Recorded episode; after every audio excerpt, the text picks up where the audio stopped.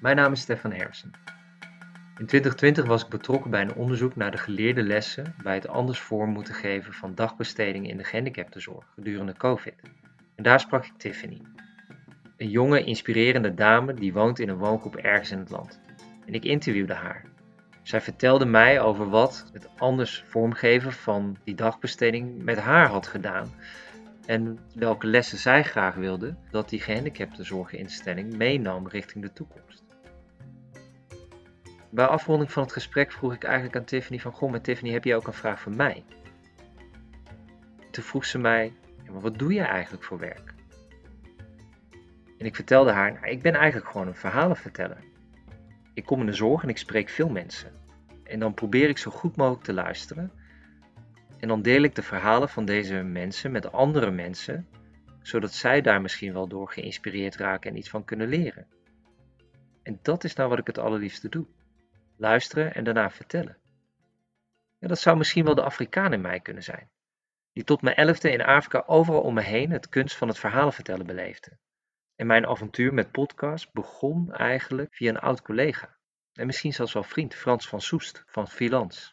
Geïnspireerd door hem en door andere mensen, ondersteund door een dag podcasttraining bij Jelle Drijver, heb ik in de zomermaanden ervaring opgedaan om voor in één, een brancheorganisatie in de eerste lijn, een aantal podcasts te mogen maken in mijn eentje. Daarvoor had ik het wel al in groepen gedaan bij Filans. En dat smaakte naar meer. En wat er met mij gebeurde, was gewoon echt mooi om te ervaren.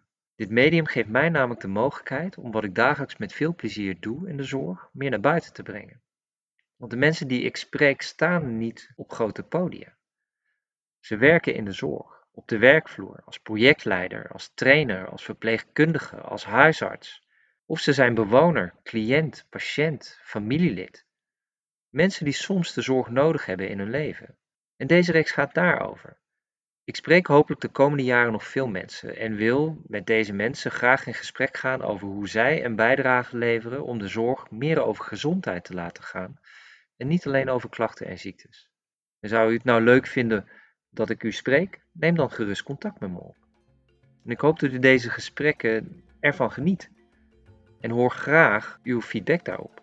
En ik wil vooral mensen bedanken zoals Tiffany, Ingrid, Dennis, Frank, Frederik, Arthur, Titia, Francis, Louis, Marijn, Ninke en alle andere mensen die mij dagelijks inspireren om verhalen te delen. Ubuntu.